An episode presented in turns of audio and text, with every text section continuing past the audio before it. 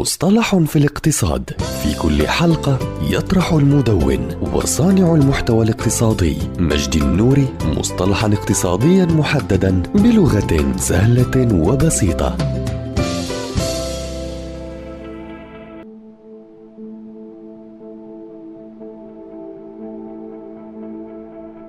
المحتوى التبادلي هو مصطلح أطلق أساسا من قبل أبحاث فورستر وهو نتاج المزج بين المحتويات التقليدية مثل النصوص العادية ومواضيع وصف المنتجات مع المعلومات الديناميكية المتغيرة مثل إعلانات لمنتجات جديدة مأخوذة من قاعدة بيانات المنتجات ومفصلة وموجهة بما يناسب كل زبون وكذلك يمكن تعريفه كما عرفه غريغ نومان المؤسس الشريك ل BTC Technologies والذي عرفه بأنه التزاوج بين المحتوى والسلعة مع خدمة التوصيات. هذه التطبيقات تتفاعل بشكل مرن ومتغير لاحتياجات ورغبات العميل فمثلا عن طريقها سيعرض للعميل منتجات في نطاق السعر الذي يفضله والذي تم التعرف عليه من خلال صفحات الطلب.